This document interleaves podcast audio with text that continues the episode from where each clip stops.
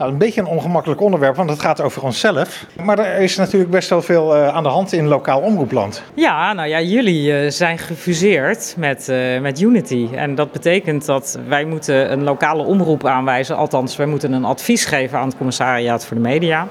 En uh, voorheen uh, hadden jullie een soort beauty contest en nu is dat niet meer nodig. En we hebben dus vanavond besloten, de raad heeft besloten, dat wij unaniem Unity met het nieuws van Sleutelstad zullen aanbevelen om te benoemen als lokale omroep. En daar zijn we hartstikke blij mee. En daarnaast is er ook geld gereserveerd voor jullie frictiekosten om samen een mooie, sterke omroep te worden die hele mooie inhoudelijke producten gaat maken.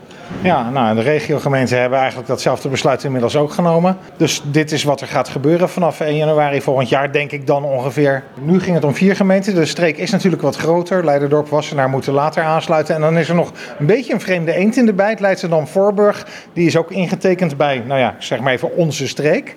Ja, nou, ik zou zeggen, doe hard je best. En uh, laten we zorgen dat we deze regio.